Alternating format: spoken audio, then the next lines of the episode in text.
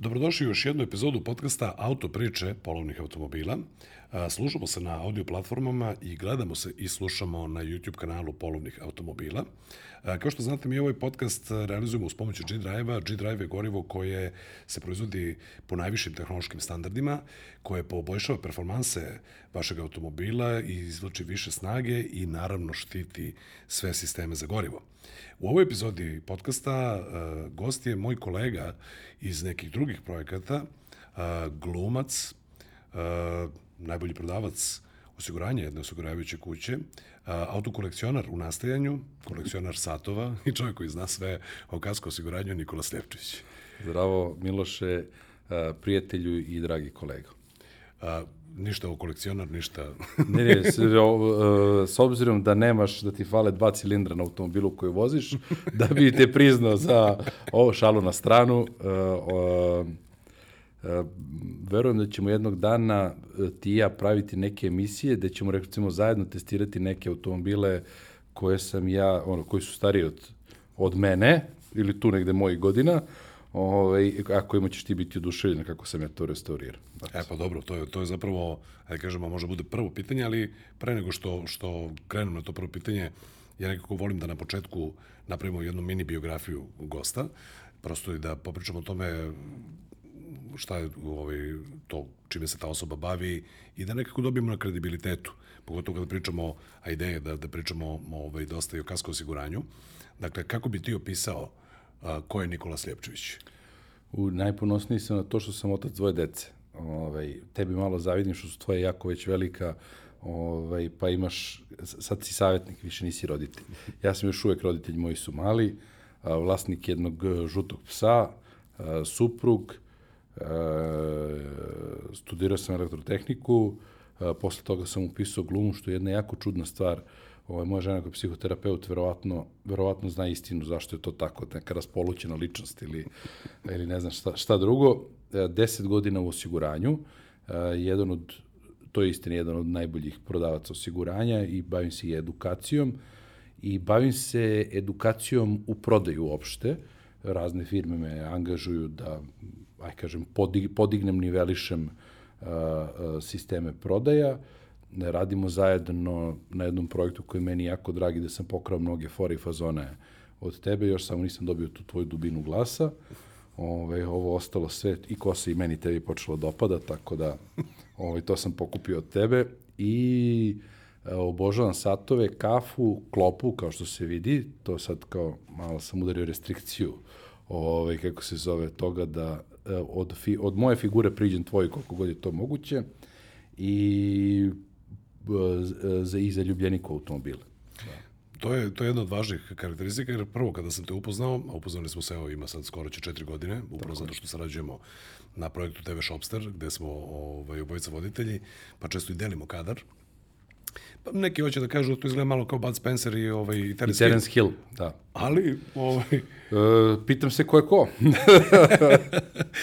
Htio sam da kažem prva stvar kada sam kad sam te upoznao, popričali smo, prvo smo krenuli da pričamo o automobilima i shvatio sam da imaš sklonost prema propeleru, odnosno plavo-belom znaku i, Indeed. i, i popularnom brendu BMW-u i tu čak imaš i te neke projekte i, ovaj, i onda smo počeli da pričamo i o svemu ostalom. Pa ja bih ja krenuo prvo od toga na četiri točka. Dakle, šta to znači kolekcionar automobila u nastajanju? Pa vidi ako ja imam, ja sam odrastao, ono, kao sad, jel, 90-ih, rođen sam 85. 90-ih sam tu već počeo pravim auto, pratim automobile i bio sam zaljubljen, to se tad, mi smo kao zvali kolokvijalno svemirac, BMW trojka, E36 i ja sam se zarekao da ću jednog dana imati kabriolet on u fabričkom stanju. Ovaj, taj dugo godina sam na, na desktopu držao, do duše, taj koji sam držao nije bio kabriolet, bio je ono, četvora vrata, srebrni u, u M paketu i zarekao sam se da ću jednog dana imati ovaj, taj automobil i sad sam u, u fazi, uh, kako bih rekao, prikupljanja svih ne, uh, uh, neophodnih informacija i svega ostalog da se to realizuje. Tako da to je nešto što sam kako bih ti rekao, smatram da ću jednog dana vikendom voziti taj automobil ovaj, bez krova, nadam se da ću tad u tom trenutku još uvijek imati kosu ovaj, na glavi, da neće o, o, o progresija koja sad, da, da se neće nastaviti, šalo na stranu i e, vrlo moguće da ću verovatno imati recimo neki limuzinu i kabriolet. To jer imam garažnih mesta pa ćemo imati gde da stavimo, neće biti problema. A vozačan sad, naravno, propelera. Samo je, ovaj je ovaj, e, popularno nazvana trafika. Odnosno puta pet. Odnosno, da, puta pet, jer e, dvoje male dece, e, kolica, pas, supruga i ja, mora da bude ta veličina, ono, puta pet, jer kao kad su me pitali kao, a kao kojim automobilima kao ti razmišljaš i pričaju mi sad, ne znam, o, ovaj je lep, ovaj je lep, ja gledam i ono kao, je li X5 nije, je li Q7 nije, Q8 nije, je li ne znam, Cayenne nije, je li uh, Gle kao ovaj, naslednik Kemela nije, Ništa onda, hvala. Trenutno mi to toliko prostora treba, tako da, da sam fan, fan ovaj, veliki propelera, ali ne samo propelera, volim i, i Audi neke segmente, iako poštujem neka tehnička dostignuća koje se danas koriste u autoindustriji, a koje su čak o, ne znam, recimo od Audija, Quattro, neke stvari koje su od Renaulta došle, neke stvari koje su od BMW, neke koje su recimo od S klase. Uvek mi je zanimljivo da sednem u, kao najnoviju S klasu, jer kao to je korak dalje da vidim da će se razvijeti autoindustrija, kao ima li kraja. Što kaže ovaj, Jeremy Clarkson, a sada da vidimo šta ćemo svi da vozimo za 10 godina. da, da. Šta ćemo imati svi u automobilima za 10 godina. A, dobro, zapravo, evo nešto, ne znam da li si to planirao da, da podeliš u podcastu, ali nedavno kada smo ti ja razgovarali, čak si razmišljao malo da ostupiš od od propelera, ali da ostaneš u istoj državi pa i pokrajini. E, da. I da. malo čas si upravo pomenuo Kajen. Nisam, nisam još odustao od toga, da ti kažem. Dobro. Hoćeš e, da izložiš sam... projekat, pošto je vrlo zanimljivo si pričao o tome i da. živopisano, što bi rekli. Pa, Jeste, da... pa tu smo došli do, do jedne, jedne, jedne vrste sukoba, jer kao, mislim, sukoba, jel, razmene mišljenja, uh, gde ja sam želeo da uzmem poslednji Cayenne koji je dizel, jer kao sledeći je benzinac i to stvarno troši ko šuplje. I nije čak, ja čak ni ne prelazim neku veliku kilometražu, jer sad na more idemo avionom, uglavnom, ovaj, porodica. E, nekako mi je bilo kao, tu je postala jedna dilema kao da li nešto što ima kao sportske naklonosti kao Porsche, treba da uopšte ima SUV, koji meni stvarno onako jedna skulptura na četiri točka, i kao da li, ako ima SUV, da li on treba da bude dizel, da li je dozvoljeno da bude dizel. I onda sam kao se dvoumio ovaj, oko toga i mogu ti reći, malo je falilo da, da, da, da, da prelomi uh, na, na Cayenne, ali ipak sam ostao veran puta pet. Dobro, vrlo zanimljiva stvar. Dakle, dupli fuj, bi rekli pravi ovi fanovi Porsche-a. Dakle, M SUV... M SUV, M dizel i, e, pazi, legitimno mi je. Sve mi je sve to razumem, samo to konceptualno bilo jedna vrsta da si kao je pomirio nešto što ima kao, jel, bar koliko toliko sportske naklonosti, a da je to funkcionalno i da to nije neki veliki potrošač koji je kao, nema ništa po, da kao troši auto 25 litara i 30, legitimno, samo taj moment kao odlaska na, na pumpu, jako koristimo na aplikaciju i sve to ide dosta brzo, i da li kao mi je kao, da li sam ja okej sa time da trošim 25 litara goriva? To mi je kao na 100 km. Da, nije, nije lepo, što kažu. Jednom je davno, mislim da, da je to bilo u Vralim gumama, kada je testiran bio Suburban, ovaj, opis je bio, kaže, kada ovde natočite, pošto je imao tadašnja generacija Suburbana, je imao i moguće da ima i sada, ovaj, e, takozvani pomoćni rezervoar. Kaže, ako natočite pun, zovu vas iz banke. da pitaju imam neku ukrao karticu. dobro, dobro. Hoće kažem, znaš, kad bi, kad bi vozio taj što troši 25, onda jeste to legitimno, nego je... Kod mene staje 90 litara uh, u rezervoar i uglavnom vozim ono pun prazan, pun prazan. Ne volim da stalno idem na, ovaj, na pumpu i mada sam uglavnom ono, imam, imam taj neki moment kao iz 90-ih mi to pričao komšija koji je iz Sarajeva i kao samo da je frižider i rezervoar pun, kao to mu je ovo je, kod mene je, kao što vidiš, i jedno i drugo. Pun prazan. Da, da, pun prazan, pun prazan.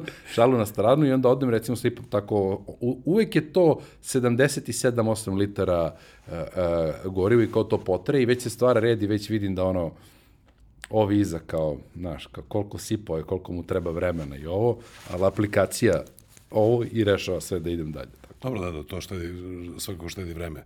Ovaj, hoću da kažem, um, pun prazan, pun prazan, ja sam recimo dugo, dugo u mlađim danima bio onaj što ovaj, sipa za 1000 dinara i kao koliko ti troši, pa kao sipam za 1000. Da, da, kao, koliko god troši, hiljadu, fiksno hiljadu. da, uvijek troši isto.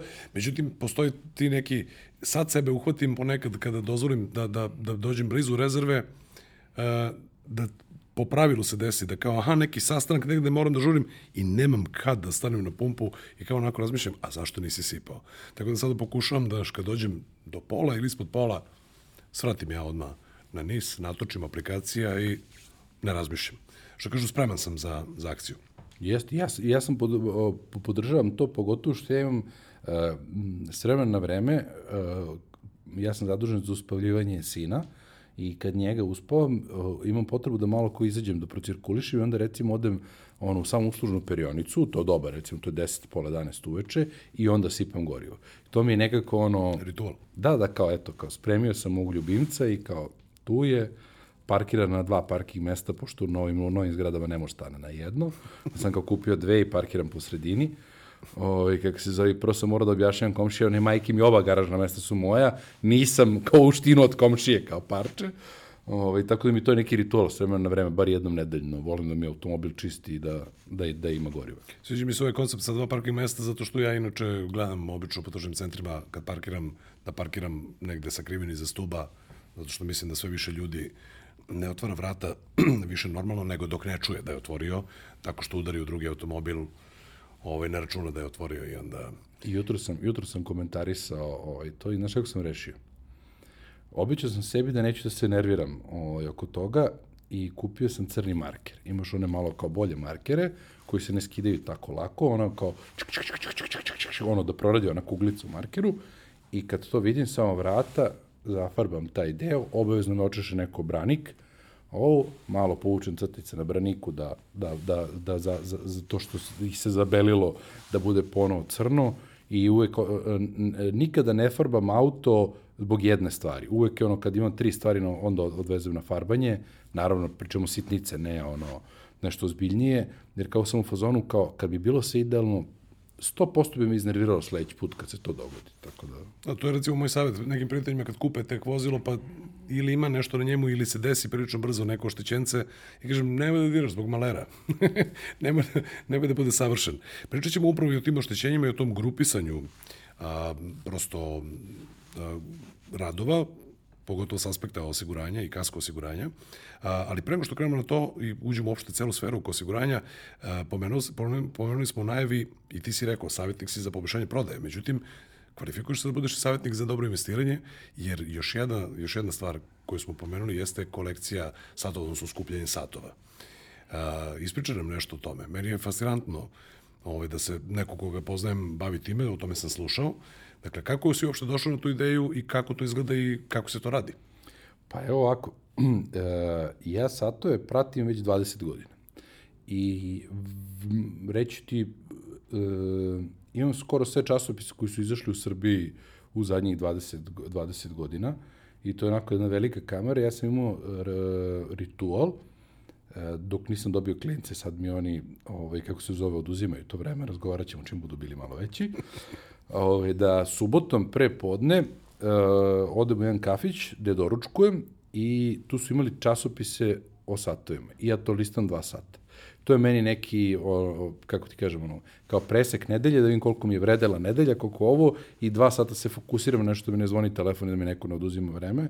A posledica toga je stvarno jako veliko znanje o satovima i kao što znaš sada da skoro niko ne kupuje iz mog društva sad bez da se konsultovao sa mnom Ovo plus tu ima, kada već si kupovao često satove i sarađivao sa nekim firmama koje kod nas to prodaju, a i van naše države, ja imam neke kontakte i nekad neke popuste koje mogu da iskoriste ovaj, prijatelji o, moji i onda mi je nekako zadovoljstvo da učestvujem u tom, u, u tom momentu da neko kao dono odluku da kupi neki sat, bilo da li on 500 eura ili ko zna koliko para, uvek je to zanimljivo uh, uh, i uvek je dobro da kako da ti kažem, jednom sam doživio u radnji, uh, uh, neću reći koji je grad, ali van Srbije, došao je momak za koga sam ja video da je uh, novi u tome, koji prodaje satove u radnji.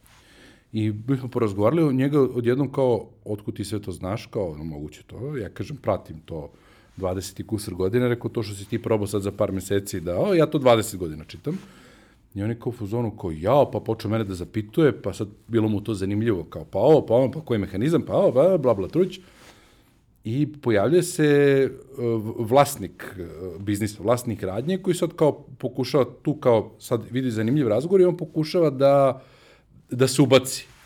A ja, poštujući čoveka koji radi u prodaju, s da radim u prodaju tolike godine, zadržavam kurs na komunikacije na ome, a ovaj je na Valentan, sad mu čudno što ja se zadržavam na onome za koga se vidi da nije. Jer e, vlasnika radnje uvek provališ lako, ko prodaje neki, neki brend, uvek ovaj koji ispod njega ima lošiji sat od njega, odnosno manje dobar. Znaš, i ovaj, pošto imao, ovaj, imao je zlatnu neku omegu koja je stvarno fantastična, provalio sam da je tu vlasnik radnje, jel, da je vlasnik biznisa, i jednom trenutku mi je prekipilo da sam krenuo kao prijatelju. Ja znam ne od gospodina više, od tebe znam pet puta više, nemoj da se ljutiš, nemoj me savjetuš oko toga, I on kao pogleda ovog momka, ovaj momak ovako. Potvrdio sam da. glavom. Rekao, rekao, ti znaš prijatelju samo ovome što prodaješ. Ja znam i o onome kad izađeš, on, onih narednih pet radnji pored, pored tebe. Tako da bi to bilo, da, kod komšije, da. Tako da bi bilo jako zanimljivo, ovaj, kako se zove, kroz godine i nekako verujem da to, da je jako dobro da se mušku, maš, muškarac razume u satoju kola. Jer kao, kako si ti odrastao ako nisi pratio kolako? Jako su male šanse da, što kao da nisi igrao futbol, to ti to kao, znaš, kao, okej, okay. teško, male su šanse, jel? Zanimalo te. To je onda me zanimala kao cela i evolucija satova, evolucija kola. Jako, okay, sad satovi ne služe za ono što su prvobitno služili, jel tako? Služe kao, više kao nakit nego, ali da imam jako veliko poštovanje prema časovničarskoj industriji. Znaš, i onda, e, kako ti kažem, kada se pojave brendovi koji su kao neopravdano skupi, uvek skrenem pažnju prijateljima nema razloga da to kupiš, jer ne mislim da je to dobra investicija, svakako će, sad je hit, ali neće biti za neko vreme kao hit, drži se tradicionalnih stvari, on kao, pa kao kako, ja kažem, na svakom satu ima koje godine napravljen. Ako nema, vrlo verovatno da oni to neće da, da kao da se prikaže. A ako nisi čuo da je neka 1884. 1848. 1907. godina, Ba, nemoj da kupuješ, nemoj da kupuješ.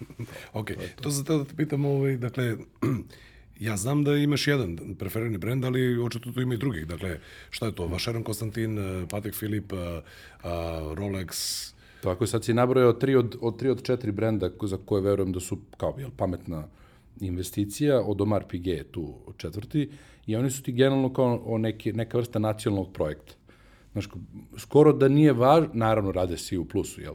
Ovaj, to je cilj, da zarade novac, ali da novac, novac nije primer, primarna stvar tu samo, nego ima i do brenda, do staleža, do ovoga, pa prave sad, Rolex je napravio totalno novi, novi sistem prodaje, sad, sad, ono, sa ove strane, da kao, niko nije kao bitan, svi imate listu čekanja, e, pa kao kad ću doći, ne znamo tačno, ti se prijavi, pa čekaj prijatelju, pa su onda pokušali kao to vremenom da nešto izregulišu, ovaj, nekim prijavljivanjem, kao nešto, ali ni to kao nisi dobio, kad bude bio zvanični monitoring, onda ću reći, ok, to stvarno radi kao monitoringa, pošto je ovako, ono, kao nije važno ko je glaso, nego ko broj glasove, ovaj, kako se zove, ali mislim da su to generalno dobre, dobre investicije, volim jako, recimo jako mnogo Breitlinga sam imao, imam Breitling Avenger koji je sad ovako za krupnije momke, onda Omegu recimo volim, volim i WC, ima tako ono par brendova prema recimo Fortis je prvi ozbiljan sat koji sam nosio i prema njemu gajim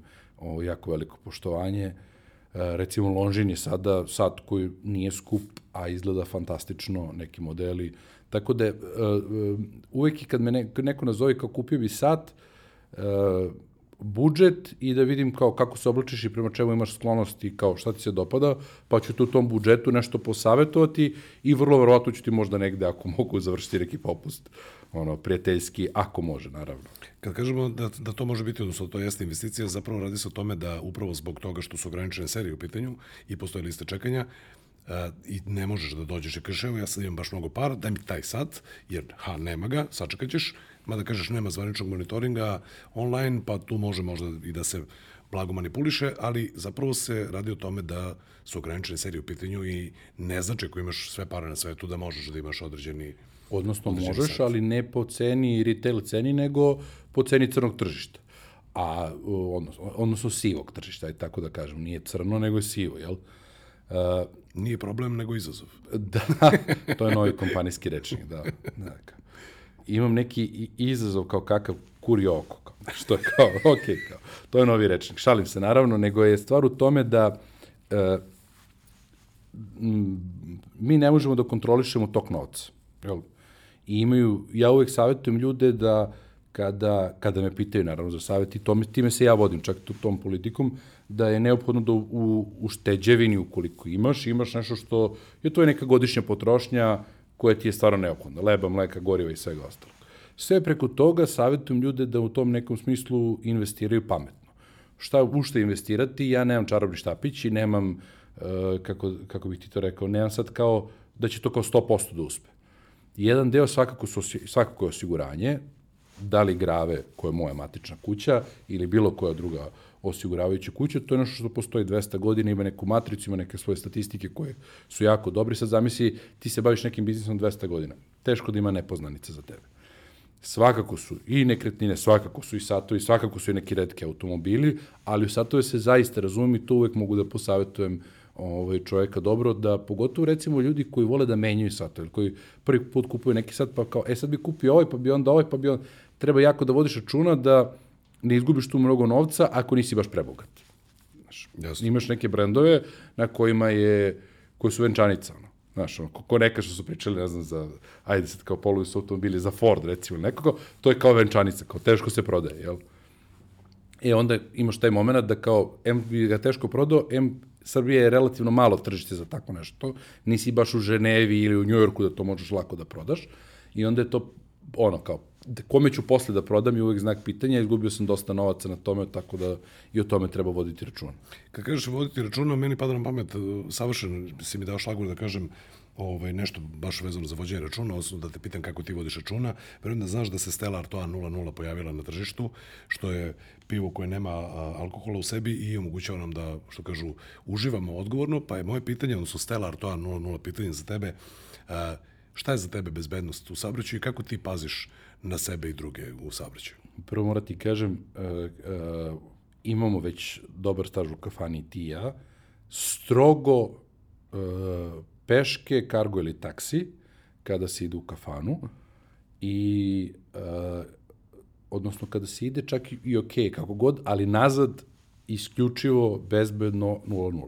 Nema rasprave oko toga i naravno uvijek savjetujem svima da jako je to sad, mislim da će to sad već, s obzirom na, ovoliko, na ovoliki broj kamera i sve ostalo usporiti saobraćaj, svakako će dati rezultata, ali savjetujem svakoga da vodi računa u saobraćaju na sve moguće načine, koristite Bluetooth, Uh, nemoj, čak izbegavajte, ne morate čak ni to da pričate, jer svakako niste onda 100% koncentrisani uh, na vožnju, neće taj razgovor nigde pobeći, a kada napraviš nešto u saobraćaju što je, aj kao slupo si kola i to će se reši, ima kasko, kad si kupio jedna, kupit ćeš i druga, nije to taka strašna stvar, strašna stvar kad ljudi stradaju tome, tako da neki podatak sam pročitao skoro da na svetu svakog dana u saobraćaju strada 3.500 ljudi.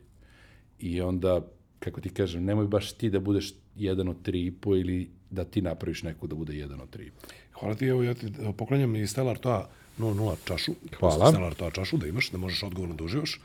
A, u principu dozvoljeno je da, na, i da se otvori u podcastu ako si za, ovaj, ti samo reci pa da, pa da natočimo. E sad da pričamo upravo, pomenuli smo već nekoliko puta tu čarobnu reč kasko i baš zbog toga mi je bilo važno da, da, da budeš gost u ovom podcastu. A, polovni automobili i grave su već imali saradnju i sarađuju. Mi smo nekoliko puta ovaj, objašnjavali uh, u našim autotestovima šta je to što je razlika u odnosu na, možda na druge kuće, ali generalno savetujemo ljude i ja kao, kao vozač vozila koje sam kupio na leasing uh, imam kasko i dosta drugih ljudi uh, koristi kasko osiguranje. Dakle, sve što smo želeli da znamo o kasko osiguranju a, i da napravimo demistifikaciju. Zato što se susrećem, ne svakodnevno, ali često, da ljudi ne znaju do kraja šta treba da urade, koja je procedura, kako to uopšte funkcioniše. Pa možda krenemo od tih osnovnih stvari. Dakle, kako funkcioniše kasko osiguranje i čemu je ono zapravo namenjeno. Pa evo ovako, to što si sad rekao, apsolutno se slažem o, s tobom i s obzirom da si u autosvetu dugo i da ja volim autosvet i pratim i pratim te još i iz davnih dana kad se nismo poznavali iz autosveta. E, normalno je da kada, kasko je kod nas relativno mlado osiguranje. E, na našim, mojim i tvojim životima 10-20 godina se čini kao mnogo, ali u industriji osiguranja to i nije tako mnogo. I treba vremena da se, ajde da kažemo, da se mi kao edukujemo kao korisnici e, te, te, to, tog vida usluga i treba nam vremena da naučimo kako to nešto stvarno radi. Tako da, ok, ja sam tu u tom smislu da objasnim sa ove strane, ja volim da pričam iz ugla e, kupca, odnosno šta ja imam od toga. Jer ja uvek je pitanje, ljudi ne kupuju ništa što je kao, ne znam, kao m, samo za sebe pojam, nego šta ja imam od toga. Ja mi to korisno ili nije. I onda i raspravljamo da li nešto, nešto skupo ili jeftino. A ako si nešto jeftino platio, ne koristiš, to je prijatelj skupo. A ako si ga skupo platio, a koristiš ga i koristiti, to onda i nije tako skupo, jel? Znači, vrlo, vrlo važna stvar. Kasko osiguranje u sluču, je, služi u stvari da sačuva tvoju imovinu. Ti kada registruješ automobil, ti kupiš ono AO osiguranje koje je obavezno. I ono čuva tvoju imovinu od mene. A da bi ja sačuvao svoju imovinu, da li od nekog ko mene čugnuo na parkingu pa otišao, ili od samog mene greške se događaju, ljudi rade, ljudi greše, za to služi kasko osiguranje. Da prevedemo na srpski. Ja sam kupio automobil koji recimo košta 40.000 eura i za taj automobil kasko osiguranje je recimo, lupiću sad to naravno zavisi od godišta, od moje istorije prethodne, e, da li sam imao kasko pa sam imao godine bez štete na koje možemo da damo popust, od e, toga u nekim kućama čak od toga koliko ja imam godine i tako dalje, znači od dosta faktora je, nije samo razumljiva stvar, konkretno kod mene imam aplikaciju koja to izračunava ovaj, u, u, u euro, ali recimo košta 700-800 eura. I sad je moje pitanje sledeće. Za nešto sam dao 40.000 eura, da li iz kredita, da li keša, da li leasing, i to stoji na ulici, dostupno svakome, od onoga što skuplja kontejnere, pa može da gurne kontejner na moj automobil, a na svim novim automobilima štete uopšte nisu tako male, na oko onako izgledaju kao, pa šta ti, vrlo brzo se nakrca 200, 300, 400, 500 hiljada dinara štete, pa sad kao, da li tih nekih 700-800 eura kao vredi toga, za mene vredi. Ja nijedan automobil ne vozim od 2011. godine, znači i pre nego što sam radio u osiguravajući kući, ne vozim bez kasko osiguranja. Ne isparkiravam automobil iz salona kad sam kupio par puta nov automobil, bez kasko osiguranja nema rasprave. Što kažu, đavo nikad ne spava i sad ne radi se samo o češenju na parkingu i o nepažnjom rukovanju kontejnerima ili o otvaranju vrata u tržnim centrima, o čemu smo pričali, nego može grana da padne. Svedoci smo da se ovde desi kada bude neka oluja i ne samo ovde, svuda širom sveta, jedan put ti vidiš da je neko ostao bez automobila, jer je, jer je neka grana otpala ili dešavalo se, to je bilo, čini mi se primjer u blokovima, jedna od mojih poznanica na, na jednoj od ovih društvenih mreža je to objavilo pre godinu dana, neko je nešto bacio ili ledenica bila sa zgrade, ovaj, panorama krov na automobilu, šteta vrlo zanimljiva u smislu troška. E sad, kada to čovjek ovako postavi kao čekaj, aha, to je neki iznos koji treba da platim, nije, nije mi to malo novca. Međutim, te stvari vrlo često, ne vrlo često, nego mogu se podeliti na rate.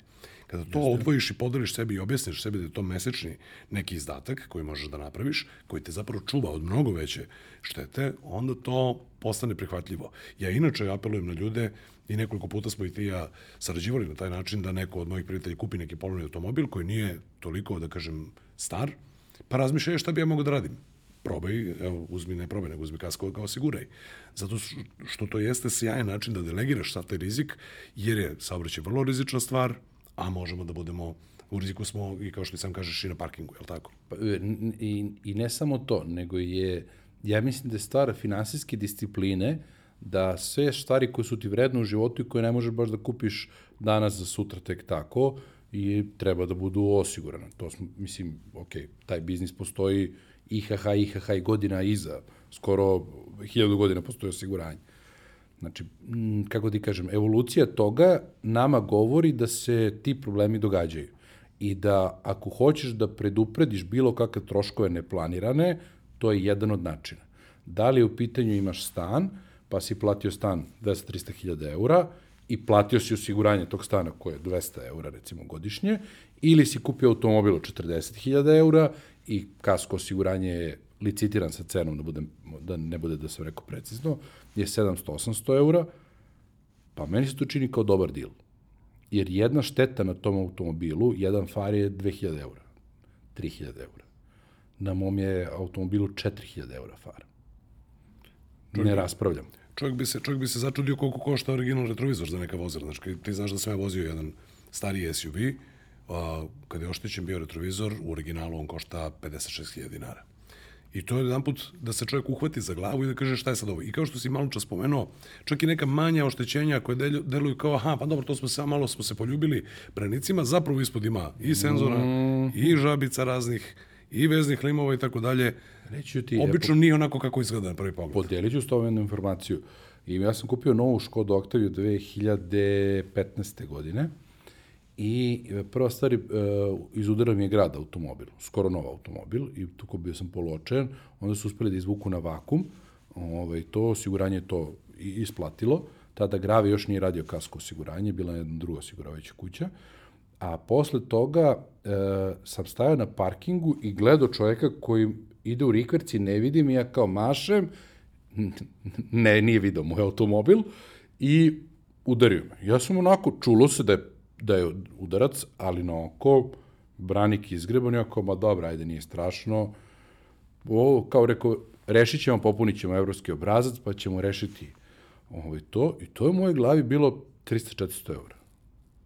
Na kraju račun 200 i nešto hiljada dinara. I ja kao češ, češ, čekaj polako. Puko je nosač fara, znači ide kompletno nov far, ali tako? Nov far je recimo za tu Škoda Octavia bio 60 nešto hiljada dinara. E, branik, e, onaj prskalica za ksenone, e, čantrica za brizgaljke koje se nalaze, još neke stvari, 200 kusur hiljada dinara. Ja sam bio u fazonu, okej, okay, sad bi stvarno mi bilo neprijatno recimo da mi se ovo dogodilo i da nisam imao kasko, da je recimo taj čovjek otišao. Nemam koga da nađem, šta da radim, znači, i da, i da ok, to se naplatilo od njegovog osiguranja, od one obavezne polisa osiguranja, ali šta je važno? Važno je da on pobega u tom trenutku, ja bi imao štetu 2000 eura, ni kriv ni dužan, koju bih ja iz svog džepa platio. Pa onda mi se ona premija koja recimo u tom trenutku bila za kasko za tu moju Škoda Octavia 350-370 eura, nikad ih slađe nisam platio nego tad. E, pominjao si, već više puta smo rekli, automobil u 40.000 evra, ali evo primjera, dakle, Octavia koja je tada u tim godinama koštala možda 17, 18 ili 20. Tačno 17 i 200. Vidiš?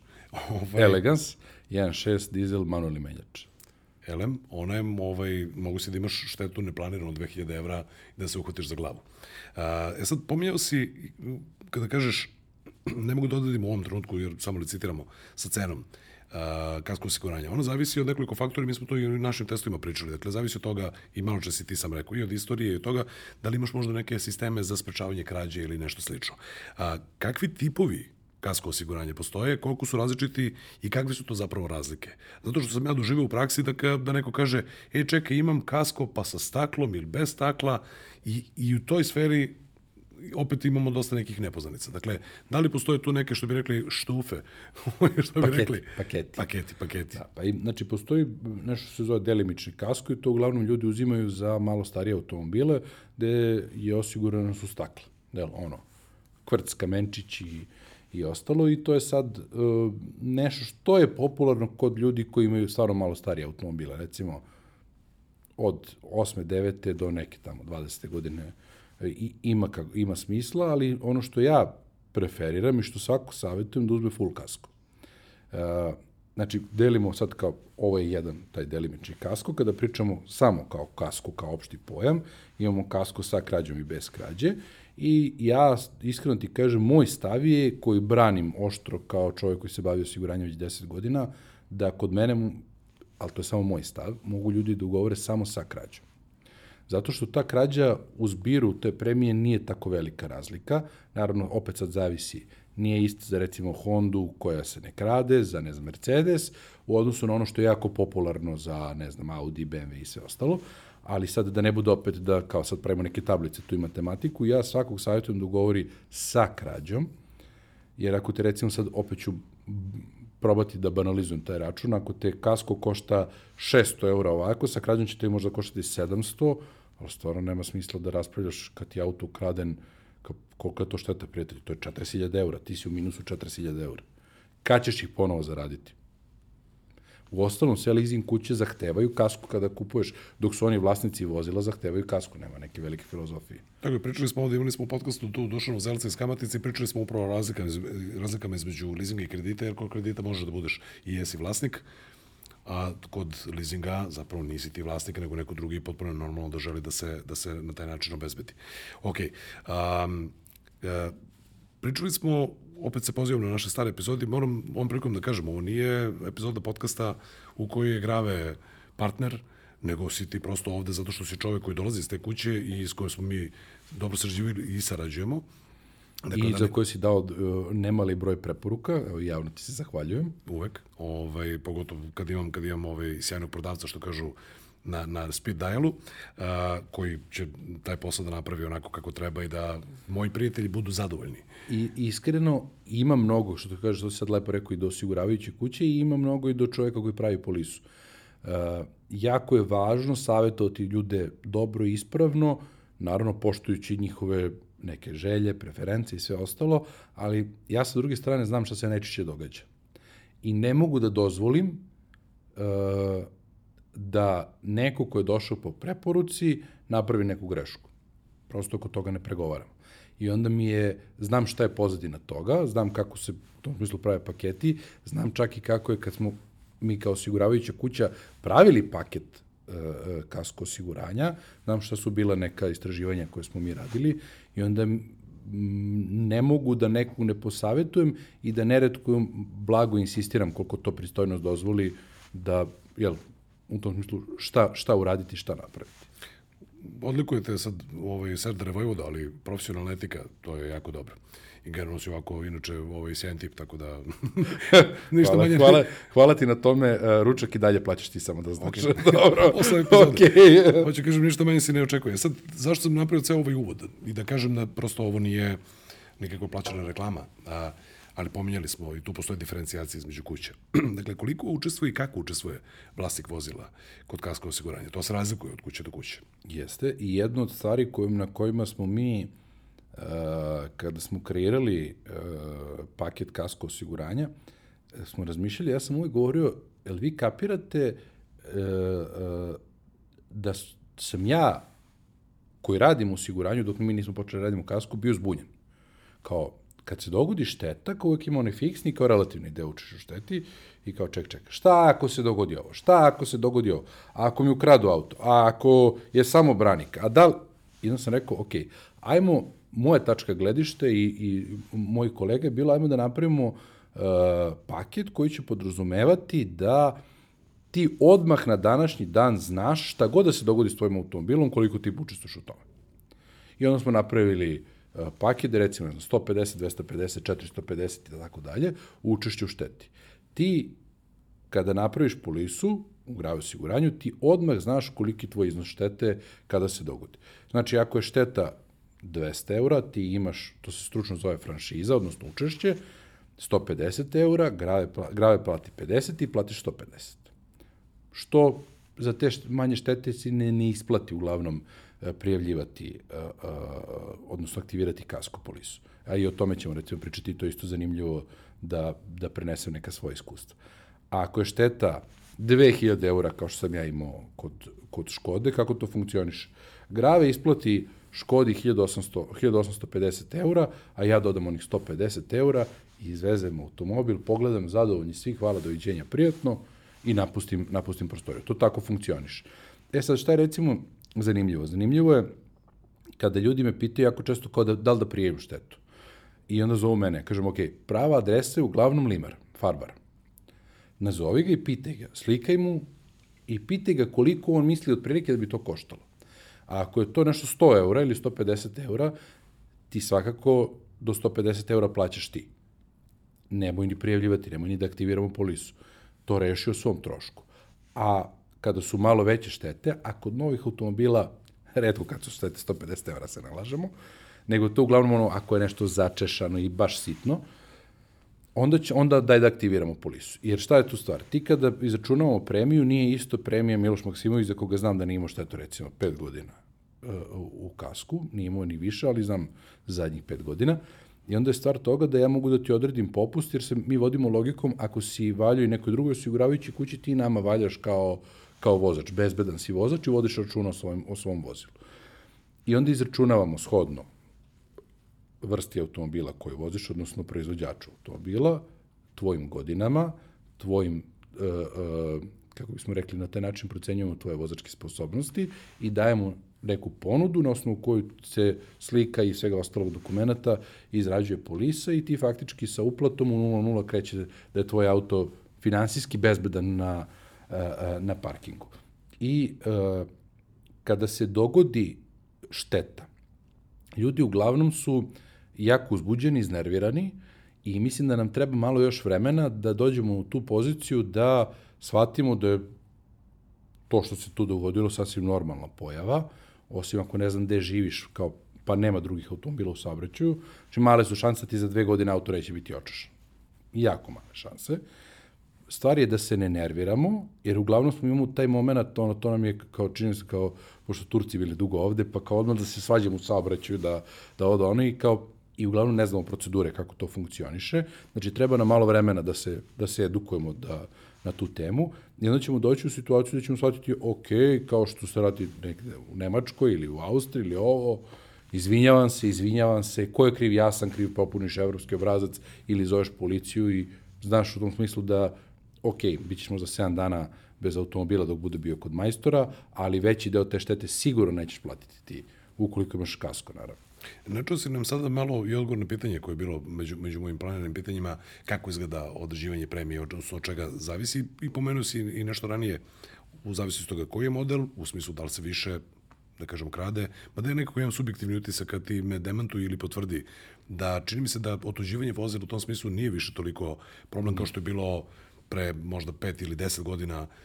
Deset i više godina, da da znaš, čuješ tek tako, aha, prosto otprilike zaprećena kazna je ista, za određena vozila je lakše utraživa stvar, određeni modeli se više traže, određeni modeli su samim tim rizični, tako dalje. Dakle, to je jedan deo određivanja premije, drugi deo je upravo ovo što si rekao, kakve su navike, kakav si ti kao vozač i ono što je zanimljivo, recimo, ne znam koliko to ljudi znaju, da na zapadu, konkretno imam primere iz Austrije i Nemačke, i kako uopšte živi autoindustrija. Znači, od, kako ti zapravo kao mlad vozač si stimulisan da voziš prvo malo vozilo, pa da ideš ka većim i skupljim, zato što u odnosu na svoje godine vozački staž, ako uzimaš jaču mašinu sa više konja, mnogo ti skupi osiguranje, jer kao, aha, ovo potencijalno ovaj čovjek ne može ovo da kontroliše. Dakle, samo da prođemo, što kažu, sumirano kroz te faktore, šta to sve utiče na to koliki je iznos premije. Zato što mi dajemo raspon od do, može biti kasko. To tako, zavisi tako je. Upravo znači, od ovih prva stvar koja je, kad dajemo neku ponudu za kasko, da vidimo je li uključen rizik rađe ili nije. Kod mene i moj stav je da uvek treba da bude uključen. E sad, kad smo došli do toga da je sam program u telefonu, ti si vidio kako radi aplikacija koju ja koristim za izračun, e, kada unesem e, to, ja imam da unesem koliko godina si recimo ti imao kasko ranije bez šteta. Ishodno tome ja mogu da ti damo neki određeni popust, koju unesem u izračun i automatski na osnovu toga izrađujem dalje ponudu. Ono što je, recimo, jako važno, sve osiguravajuće kuće imaju neke brendove i neku ciljnu grupu koju bi želeli u svom portfelju. Shodno tome si koriguje e, premija. I ono što je jako važno, da li postoji ovlašćeni servis ili taj automobil jedan u celoj Srbiji. Ako je jedan u celoj Srbiji, opa, češ, češ, stani polako nešto tu nije u redu. Jer ako je jedan, vrlo vratno da nema ovlašćeni servis. Kako ćemo to rešavati i ustanovljavati štetu? Pa onda taj jedan automobil koji je kao u tom tehničkom rezultatu koji mi gledamo kao prili premio, pa nekad mi je, uh, nekad mi je bolje da imam 10, uh, ne znam, Škoda ili Fijata ili Kije ili Hyundai ili nečega što je dosta rasprostavljeno po našim ulicama, nego da imam, ne znam, Pagani Zondu. Šta radim s time? Kako se to popravlja? Gde se to servisira i tako dalje. Sim, banalizao sam, znam da vjerojatno nema ni jedna Pagani u Srbiji. Ali... ali sam ja bio u situaciji sa jednom od prvih Tesla i ona je se našla na našem kanalu, kao novogodišnji specijal, Tesla S, da je to bilo jako teško, odnosno nije bilo tek tako lako osigurati, zato što je prvi sledeći servis ako mu se nešto desi, on ide na šlep, ide u Mađarsku ili ide, mislim da u Sloveniji još uvijek nije bio. Mislim da je Austrija. Moguće čak i Austrija i to je zapravo samo u troškovima transporta je užasna stvar a može bude da je, da je trošak popravke mnogo manje od toga. I generalno taj automobil se popravlja uglavnom online. Ali kad pričamo o mehanici, šta tačno radiš sa njim. Prosto neozbiljno bi bilo da osiguravajuća kuća preuzme taj rizik i kaže mi ćemo ovo da rešimo, a da u stvari auto mora da je na Mars. da se servisira. Mislim, jasno ti i tu, i tu je stvar negde, kažem, ajmo da kažemo, veštine ljudi koji rade u prodaju da daju svoje neke informacije, naših klijenata, korisnika, da vidimo kakva su njihova iskustva, gde želimo da se pozicioniramo mi kao osiguravajuće kuće sa kojim brendovima, brendovima nam je lakša saradnja, tako da kažem, i ne postoji sad tu neki, kako bi ti rekao sad, kao čarobni štapić ovaj, za to, i to naravno, e, ja kažem, evaluira i evoluira. Znači, nisu, nisu, nije to nešto što je kao sad zapečećeno, nego kao što se autoindustrija menja i kasko industrija se menja i na kraju ono što utiče e, na premiju kao poslednja stvar je ono što se stručno zove franšiza, odnosno moje učešće u šteti ili prijatelji koliko to mene košta ako ja udarim automobil, ja sam kriv. Ok. Pomenuo si malo čas uh, policiju i pomenuo si šta treba, odnosno kako da se vodimo time, šta se prijavljuje, šta se ne prijavljuje. u praksi sam zaista mnogo puta čuo da ljudi zapravo imaju nedomicu. Da čak, čak ponekad ni, ni policajci na terenu nisu sigurni da li treba ili ne treba. Bila je rečenica, pa, pa imate kasko, pa što ste zvali policiju? Kako izgleda proces prijave štete koje je, ajde da krenemo od toga već od ovog, od ove ideje kada treba aktivirati kasko. Dakle, i da tu razložimo, dakle, šta se dešava ako zatekneš udareno vozilo, šta ako te neko udari pa pobegne, ili šta ako su svi učesnici su prisutni. Kako, kako izgleda taj proces i šta prvo treba uraditi? Pa evo ovako, prva stvar, ako si zateko vozilo na parkingu, koje je oštećeno, a imaš kasko osiguranje, logična stvar je pozovi osiguravajuću kuću. Konsultuj se. U ovom slučaju zoveš grave, čuješ Miloša Maksimovića na, na, na, na, call centru. na, na call centru, napravit jednu, jednu kratku digresiju, kako mi je rekao čovjek, kao, pa ja sam kao u call centru, kao grave moj glas, ja kažem, pa znam, ali ja ne zovem call centar u kompaniju koju radim, zovem direktno osobu koja mi, koja mi treba, ali onda sam jednom odlučio da to stvarno i kao za tastu. Dobar dan. Dobar dan.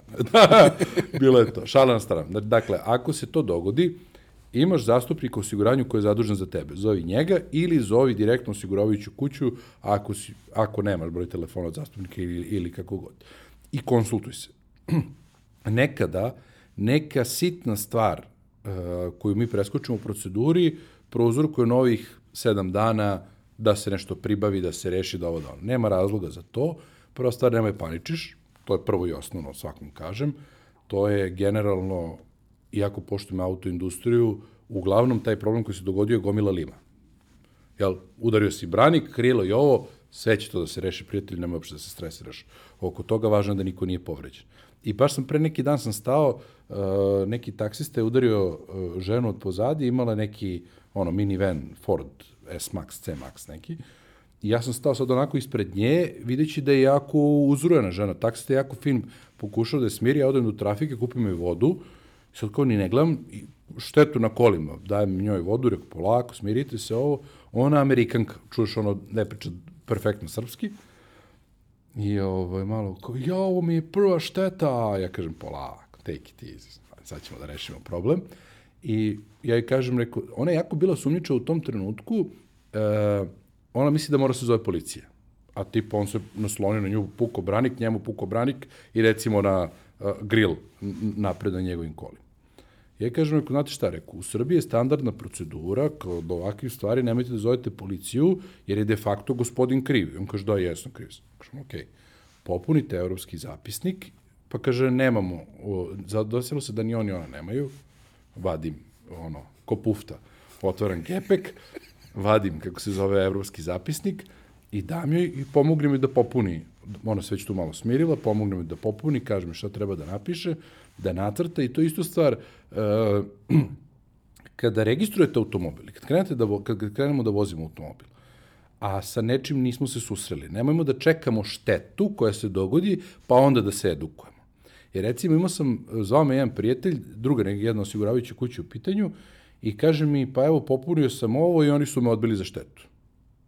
Ja kažem, ok, aj slike mi šta si popunio. On slika i kažem, po slici si ti kriv, prijatelju. Imali su osnovu da te odbiju. I onda smo ušli dalje u neku reviziju toga, pa sam ga ja posavetovao. Ispravan u tom smislu 100% da je druga osoba bila kriva, ali tako kako si natrtao, ti si kriv prijatelj. I oni nisu bili tamo na terenu da snime situaciju, nego su videli ovo je vjerojatno ono street view negde i kao, ok, on je kriv čovjek po ovome i to je to.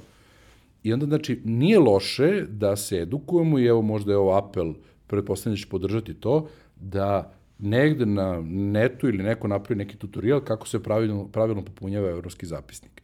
Da u tom trenutku kada imaš već neki stres i kada je neprijatna situacija, da znaš da prosto popuniš evropski obrazac i pomerite se da ne pravite gužu ili da zovete policiju koja u tom trenutku sigurno ima mnogo preča posla nego, nego da, izlazi, da izlazi na teren. Obično su viđajci u tom smislu čekaju nešto duže, uh, jako se sad, koliko znam, je desilo se neka pomeranja u smislu gde se, gde se nalaze, kad pričamo o teritoriji Beograda, gde se nalaze uviđene ekipe, koje su sad na drugom mestu u centru grada, ali uh, upravo si dao dobru ideju za, za autoznanje klip na našem YouTube kanalu i naravno da ću da podržim, zato što to jeste ljudima takođe još jedna nepoznanica.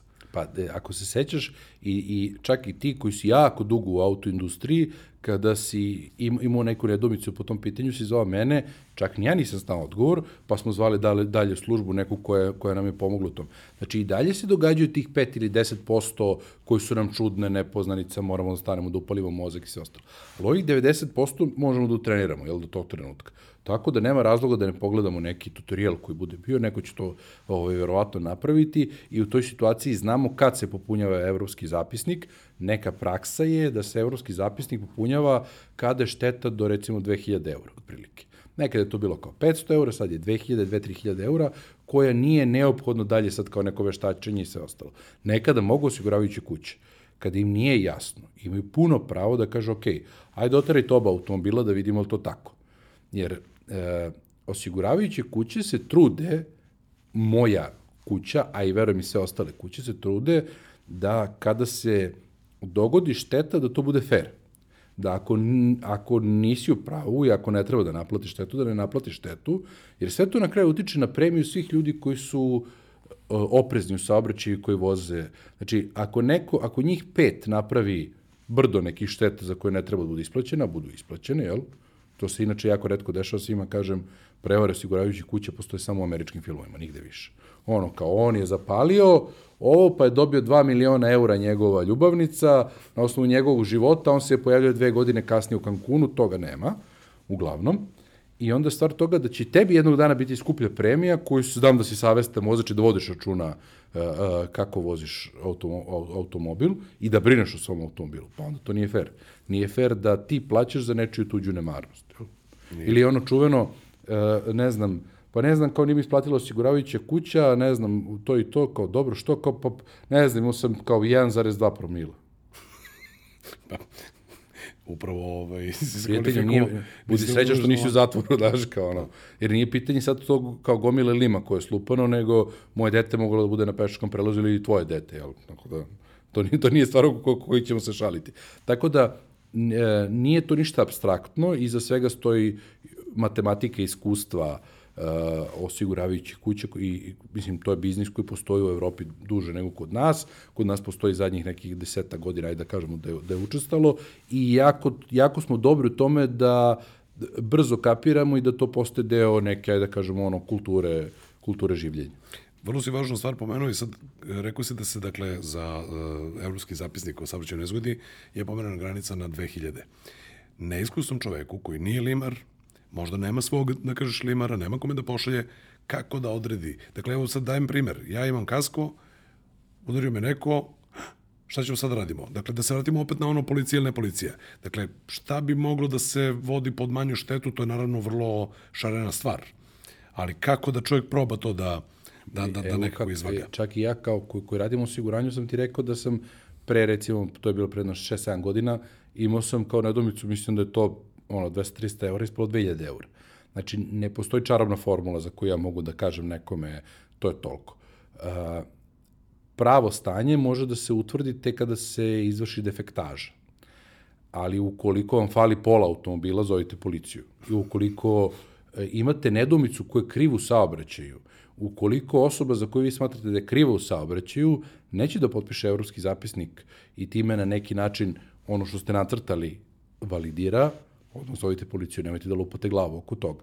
Policija je plaćena za to, oni su stručni u toj oblasti i ono što mi neke stvari previdimo u saobraćaju, nismo svi stručnjaci za to. Znači, ja sam uvek, kao i u, u, u svemu životu, pitajmo struku, jel? Ima neko ko se bavi time, nazovi tu osobu pa pitaj. Tako da, ako ima nešto što je nedumica, da, zovite policiju.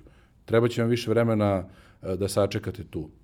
Moguće, vrlo, ali će vam trebati mnogo više vremena da eventualno naplatite štetu ako niste krivi, a fale vam neki dokumenti i neka procedura koja postoji, koja u stvari štiti i vas i osiguravajuću kuću i sigurno će vam trebati manje vremena nego da zaradite taj novac da popravite tu štetu ako niste u pravu. Tako da ako imate nedomicu, zovite policiju, to je moj savjet uh, svakome, ukoliko je sve ovo čisto i moramo malo da naravno da steknemo nekog iskustva kada se popunjava evropski obrazac, kada je nesmisleno čovek udario ženu jedan iz drugog, nema prijatelji šta da raspravljamo, ti si krivi, to je to. Mislim, ako čovjek je spreman da prizna krivicu ili žena, da ne bude sad kao da samo muškarci prave, jel, ovaj, kako se zove štete u saobraćaju, nema razloga da to ne uradite elegantno, raziđete se ruka ruci, ljudi, ljudi rade, ljudi greše, to je, e, kako da kažem, volao bih da dođemo do te, do te situacije da uh, bilo koje čukanje u saobraćaju ne izaziva ono da se učemo za revere i ostalo, nego čekajte polako, to će osiguranje da reši.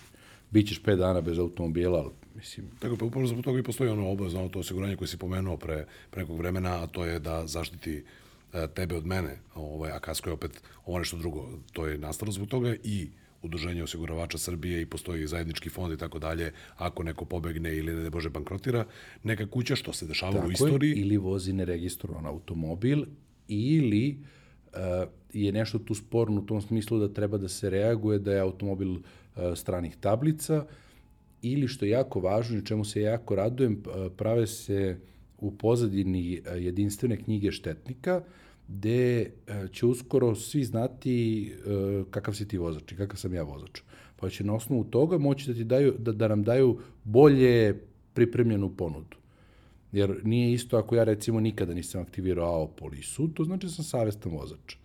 Pa nema razloga da ja platim skoro isto kao onaj koji je juče to uradio. Znači tu ima i po osnovi, policiji ima onaj bonus malo sistem, ima, premijski da, ima stepen. Ima premijski, premijski taj stepen. Ali on da. utiče skoro kozmetički na to.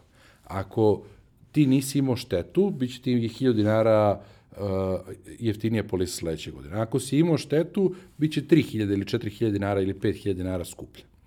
Meni se ne čini to kao dovoljno dobar, uh, dovoljno dobar opseg da se ja kvalifikujem kao vozač ili neko drugi, treći, četvrti, peti.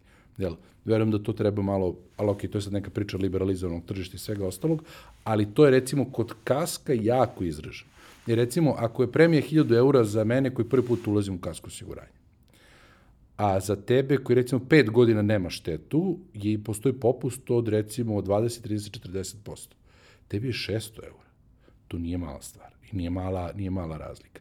Zato je isto važno da budemo savesni vozači, da ne prijavljujemo jel, one te šti, šti, sitne štete od 50 eura i da pratimo to kroz istoriju u tom smislu da to radi ceo svet. Ne moramo mi da budemo pametni, znamo da prepišemo. Kako rekao si malo čas, svi će znati kako ste vozač, mislio si na osiguravajuće kuće. Da, da, naravno. neće biti javni podaci, Na, neće ali biti će javni podaci. jedinstveni registar, je li tako? Jeste, što opet nama treba vremena, to je relativno mlada industrija, kod nas i treba nam malo vremena da da uđemo u što se, da se to podesi, ali vidim da smo na dobrom putu i vidim kod ljudi da to postaje, kasko osiguranje postaje nešto što je neophodno da, da imaju. Zato što je pametna stvar i kažem, pogotovo kad se podeli na rate, ako ljudi krenu odmah da graknu na, na, na cifru, međutim, jako si dobru paralelu izveo u, u navodeći vrednost automobila od 40.000 evra. Evo, danas smo svedoci da najjeftiniji nov automobil koji možda kupiš je barem 15.500-16.000 evra, pa onda idemo, idemo na gore. Dakle, cene su sve otišle ovaj, i analizirali smo i ovde zašto i kako. Da li će one da padnu, kao što su nekad bile, sumnjam, ali će moguće malo to da se, da, se, da se reši, u smislu da se malo blago koriguje, ali pametna stvar da se delegira rizik i da čovjek bude bezbrižan u tom smislu. E, ako su, apropo cena samo, ovaj, je, je, ako su Audi, BMW i Mercedes uspeli da naplate neki svoj proizvod toliko, teško će jednog dana sam inicijativno reći ne, Sad će umesto 140.000 eura to koštati 125. Tome se ne nadam, A, ali je sa druge strane uvek bih uradio ono šta ima jedna fantastična poslovica japanska uradi šta možeš tu da jesi sa time što imaš. Znači, ja sam kupio automobil i ja sam odgovoran za financije tog automobila, jel? Ono što mogu da uplati kasko osiguranje. Toliko od mene. Možemo da kažemo, ako bi to preverili na, na konje, dakle, ne daj mu samo zobi i vodu, nego stavi ga u štalu i neka da, stavi štalu bude zaključeno. Pri tome, ja imam garažu. Znači, ono, najveći, najveći broj šteta koje se dogodi, uglavnom po prijevi klijenata su na parkingu i neko je otišao, nije stao. Jel? Ovaj, mada je, i to je sad, e, kako kažem, sad postoje stvarno kamere i neko ko, i to ohrabrujem ljude da u tom smislu se potrude da ispitaju ovaj, to kada se to dogodilo, verujem da ove kamere na svakom ćošku mogu da pomognu, uh, da, da pomognu u, u tome. Uh, ali svakako mislim da je jako dobra stvar da ako smo zaštitili prilikom registracije tuđu imovinu od naše greške, pa mislim da je logično da zaštitim i svoju imovinu od, od, od sobstvene greške. Apsolutno. A, kako izgleda proces a, procene štete? Malo čas si pomenuo defektažu i nekad nešto što može i na ličnu primjenu si video, ja sam imao mnogo puta prilike to da vidim uživo, što kažu, da nešto što liči na ha, malu štetu, zapravo se ispod ispostavi da je veće. Dakle, napravimo jedan, ajde kažem, case study, to je, ovaj, ta reč se tako mi recimo. Arhaizam srpskog jezika. Centralno šumadijska case study, napravimo studiju slučaja, dakle, kako bi to izgledalo a, u možda u najbržem slučaju da dođemo do isplate, ali evo, desio se sudar, nema pola auta, znači zovemo svakako policiju, šta se posle toga dešava? Dakle, kako idu, kako idu koraci? Pa ovako, ako nema pola automobila, vrlo verovatno da je totalka, odmah ti, da, da, ti, da ti pomognem, ali šalu sad na stranu. Kada se dogodio udes i automobil je recimo u voznom stanju i to je manja šteta, popunje se evropski zapisnik i uh, čovek koji je, koji je kriv uzmeš od njega e, saobraćenu vozačku i AO polisu. AO polisa ti služi sa sleđu prijavu štete njegove osiguravajući kući. Znači, mene je Miloš udario na od pozadi i mene to košta toliko, toliko i toliko, evo dokumerata, budite ljubazni da to isplatite. I sad u zavisnosti od, od, od iznosa štete, ona može da bude isplaćena i meni na račun, a može i toj firmi koja će da popravlja automobil. Ja najviše volim da isplati firmi koja će popravljati automobil, ja nemam ništa s time, zovem za 7 dana kad bude gotov automobil. Ako je veća šteta, mora šlep, ili recimo bila policija, sad policija ima jednu čudnu stvar za koju ja verujem da će jednog dana se promeniti jer dodatno komplikuje funkcionisanje, oni kao prave zapisnik, neki koji ti ne daju odmah, nego ti moraš da ideš u policiju po taj zapisnik da ti kao tamo neku ono, molu punjaš neki formular, da ti daju ovaj zapisnik gde se vidi da nisi, nisam ja kriv, nego Miloš recimo, ja se onda obraćam osiguravajući kući sa tim uh, policijskim zapisnikom. Znači ono što je važno, e, konsultujte da li policajca, da li osiguravajuću kuću o proceduri i poštujte to što vam kažu. Ja sam recimo imao, kako ja za svoje klijente volim da, da kažem, kada se dogodi šteta, i nije neophodno izlazi policija na, na teren, islikajte automobile, popunite evropski zapisnik, ti znaš, pošto neretko popijemo kafu kod mene ovaj, u, u, u grave zgradi, popijemo kafu, damo ljudima koji se bave tom administracijom i prijavom štete da to reše, čovjek izađe i slika automobil, u povratku ti dobiješ ključe od tog automobila, mi smo popili kafu i ti ideš u servis dalje da rešavaš, dobiješ zapisnik u kome piše šta je oštećeno. To je ono što se vidi bez defektaže. Ukoliko se nešto ispostavi, kao što je u onom slučaju kada sam ti pričao za Škodu, uh, kod mene bio slučaj. Postoji dopuna zapisnika. Tako je, dopuna zapisnika se uradi, koju komuniciraju uglavnom servisi osiguravajuće kuće. Znači, ti si u tome informisan ili nisi informisan, čak ni, mislim, jeste važno da znaš šta ti je zamenjeno na automobilu, ali svakako ti se ne uključaš previše u to, oni iskomuniciraju ti za 5 dana, 7 dana, 3 dana dođeš po svoj automobil i voziš dalje. Ono što je opet važno da, da, da, da bude neka dobra komunikacija, kada dođeš u osiguravajuću kuću da prijaviš tu štetu, zatražiš broj telefona osobe koja je nadležna za to i mail. Dobijaš mail gde piše osoba Pera Perić, napravila je zapisnik o tome, šta stradao je brani krilo, to, to, to, to i to, ti s tim ideš u servis. I dalju komunikaciju uglavnom imaju servis i ta osoba Pera Perić koja je zadužena za to. Znači sve to dosta jednostavno, nego nam treba malo vremena da se uhodamo, jel? ili što bi ti rekao malo čas, da probamo to da uvežbamo, prođemo kroz te korake i da kažemo, ok, to će se desi. A polago će da se, da ući ćemo u sezonu odmora, pa na samo razmišljam, dakle, iste procedure, i ako ti se desi, otišao si na more u Grčku, prošao neki ovaj, Poljak ili prošao neki Grk, nebitno, ili prošao neki ovaj, neko iz Žarkova, dobro, može iz sa Novog Beograda, nebitno da sad nema tu ovaj nikakve... Ne, ne, ovi sa Novog Beograda, s obzirom da znam da si ti lokal patriota, oni ne prave saobraćene propuste uopšte. Da. ok. Jelem, očešao te, desilo se, imao sam u rodbini situacije da se desi neka šteta na, na automobilu dok su na odmoru. A, prvo zvati osiguravajuću kuću. Tako je, i konsultujte se, šta vam kaže, to slepo slušajte. Nema razloga da mi budemo pametniji od osobe koja je 15 puta uradila to, tu proceduru od, od tog jutra, poslušaj kako kažu, konsultuj, iskomuniciraj, nekada jedna sitnica koja ti ta znači jedna fotografija ili jedan dokument može da ti skrati uh, proces naplate štete, jer šta je stvar? E, svi mi se trudimo, mi kao osiguravajuću kuće se trudimo da ti ako si imao neprijatan događaj, da ga učinimo što manje neprijatnim. I da bude to što efikasnije isplata štete, što brže isplata štete. Jer ja sad imam problem, udaren mi je automobil, nije u vodnom stanju, jeste u vodnom stanju, ja želim da on što pre bude kao nov. I kada poslušamo te proceduru, koja, koja je neophodna u tom trenutku, taj automobil će biti brže u fabričkom stanju, jel? ili približno fabričkom stanju. To je to. Generalno, osoba je već pod stresom, gubi neko vreme, gubi, gubi u organizaciji ovaj, nema, nema svog konja koga jaše, nema potrebe da osiguranje onda, odnosno kompanija koju si poverio to, da ti još otežava. Nego nema razloga. Da te zagrli. Tako je, i u toj situaciji ja ti kažem, ti ja pijemo kafu, a drugi ljudi koji su zaduženi za to slikaju automobil, završavaju, to ti ja završimo kafu, raziđemo se, sledeća stvar je ti ideš u servis i rešavaš svoj automobil. To je to. Kad pričamo o polovnim automobilima, pošto to postoji kao proizvod, gde je tu granica što se tiče kasko osiguranja? Dakle, od koliko godina zapravo polovnjak? Kapiram da to isto može da se, da se podesi malo od slučaja slučaja, ali gde bi negde otprilike bila granica što se tiče osiguranja? Ne, Kasko osiguranje. Da, da. E, mi generalno ne radimo automobile starije od 10 godina, ne uzivamo osiguranje, jer e, ne zbog toga što mi to ne želimo, nego rizik za to je preveliki i premije je prevelika. I onda je sad kao... Imam, ne znam, za, za klijenta da kaže, ok, imam auto koji je star 11-12 godina, neću da platim ovo, zato što mislim da neće ništa mislim. To vredi pola automobila, da. Ili trećina automobila, nema baš nekog smisla. E, mi smo se nekako bazirali na e, ovu grupu vozila, novih vozila, Kia, e, Hyundai, Škoda, Renault e, i tako dalje. I to je nešto, š, da, da kažem, što mi želimo u našem portfelju i što se najčešće pojavljuje kao kupljeni novi automobili. Jel?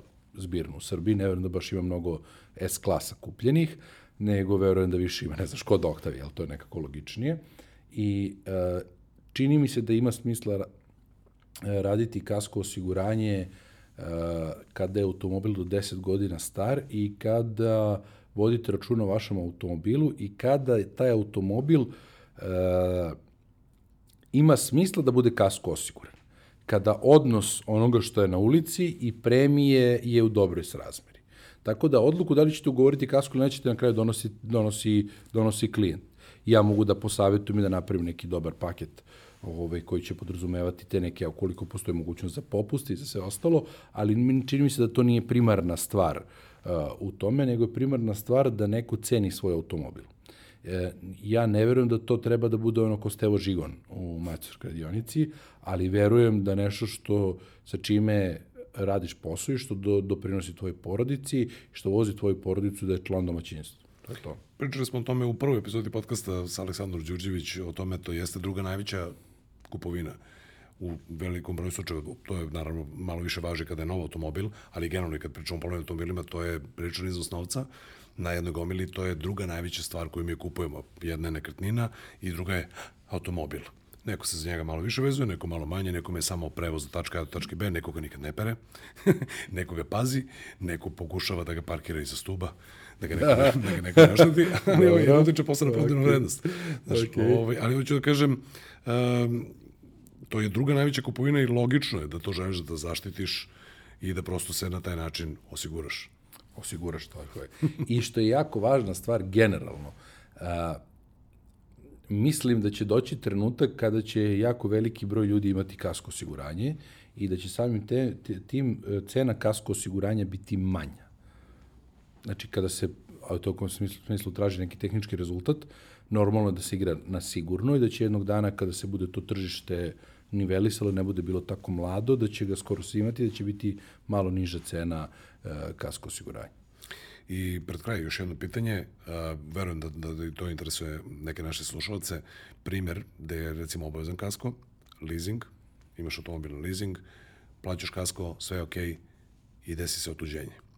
Šta se zapravo desi? Dakle, kako ti tu čuvaš svoje sredstva, zato što vlasnik je leasing kuća i u kom trenutku se to desilo, ja mislim da isto igra ulogu. Dakle, šta tu možemo da kažemo?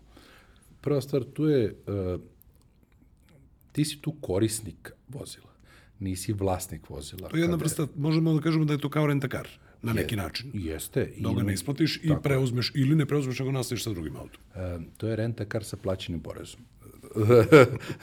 ajde, ajde tako da kažem, šalu na stranu. Ti do, faktički do poslednje rate nisi vlasnik automobila. Kada se dogodi uh, uh, otuđenje vozila, pozajmica na neodređeno ili, ili po srpski krađa ili totalka, koja se iskreno sve ređe događaju.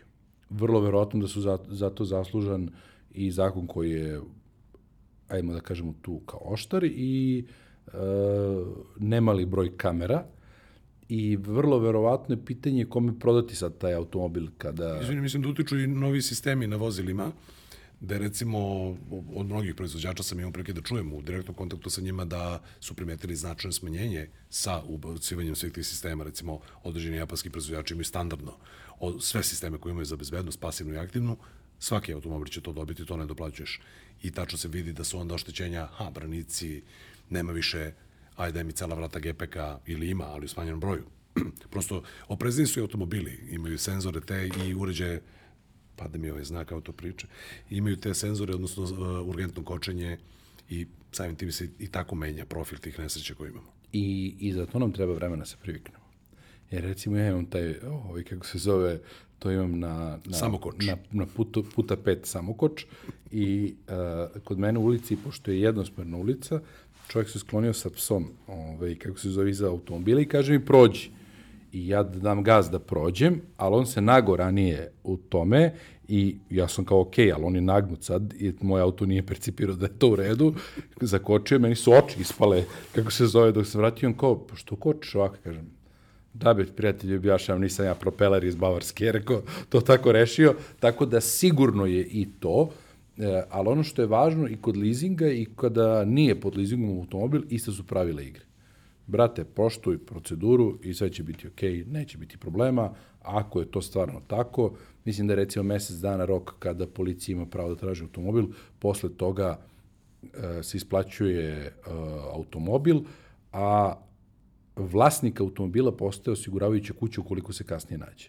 Znači, sad hipotetički, meni su ukrali automobil koji po, na, na, na leasingu, isplati grave to i nađe se automobile za dva meseca, za tri meseca, za četiri meseca, grave vlasnika automobila, imam svoj novac da kupim drugi automobil, Jasno. mada nikada će biti ovako. Znaš, kad imam veliku felnu Diamond Cut, tako da emotivno sam vezan za, za, za, za svoje 20-inčne felne. Ja sam to samo teo kao, kao jednu, jedan vid, ovaj, prosto čovek nije do kraja vlasnik dok to ne isplati ako pričamo o leasingu, tako da onaj ko je vlasnik vozila taj naplaćuje. A to je uslov zato što prosto vlasnik želi da se zaštiti. E, I jedna stvar je, uh, uh, generalno osiguravajuće kuće se trude da budu što efikasnije, zato što ne žele da im se razlače jel, ovaj, ti procesi koji su tu, a i žele tebe ponovo kao klijenta. Tako da Da, ako imaš prijatno iskustvo, vrlo verovatno da ćeš se ponovo vratiti. Vrlo verovatno i ono što je jako važno, e, dobra komunikacija u tim, u, u, u tim kao stresnim situacijama je nemojte se nervirati, sve polako, rešit ćemo, zvaćemo policiju, nećemo zvati, popunit ćemo evropski zapisnik. Uvek je dobro da probamo da u toj situaciji koja nam se tada događa po prvi put uglavnom, većini ljudi, ostanemo što smireni. I obavezno da se ne vatamo za revere i sve ostalo. Jel? Mislim, to je možda i najvažnija poruka koju si rekao u današnjem, ovaj, u današnjoj epizodi, bez nerviranja. E, ok, emotivno smo vezani možda za automobil, ali prvo substitucija. Jesmo svi ok, jesmo svi živi, jesmo svi zdravi, a sve ostalo može da se reši. To je, na, na kraju krajeva, sve što može da se kupi novcem nije skupo. To sam upravo da kažem. kao, kao naš obstor odjavio se, ja mislim, mesto tebe. Nećemo, nećemo to, evo, dozvoljavam ti. Hvala ti. Ovo, te sam ti kažem, mi je bilo jako prijatno sa tobom ovde, iako sam već navikao na, na, na razgovore s tobom i hvala ti što si me pozvao. Hvala tebi što si bio ovde gost i nadam se da ćeš biti ponovo i želim te da završiš te neke projekte pa da pričamo onda i o tim Onda ćemo i, i van studije da snimamo, ovaj, kako se zove to, sa vetrom u kosi, odnosno sa onom, sa onom kose što nam Ko, ko, ostane. ko je šta, kome je šta ostalo. ok, hvala ti još jednom. A, hvala vama na slušanju. Ovo je bila još jedna epizoda podcasta Auto priče polovnih automobila. Slušamo se na svim audio platformama i gledamo se i slušamo se na YouTube kanalu.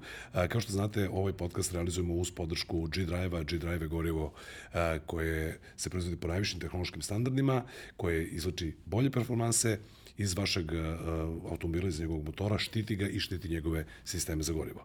Ostanite uz nas, uh, slušamo se, ne da zaboravite like, share i subscribe. Hvala.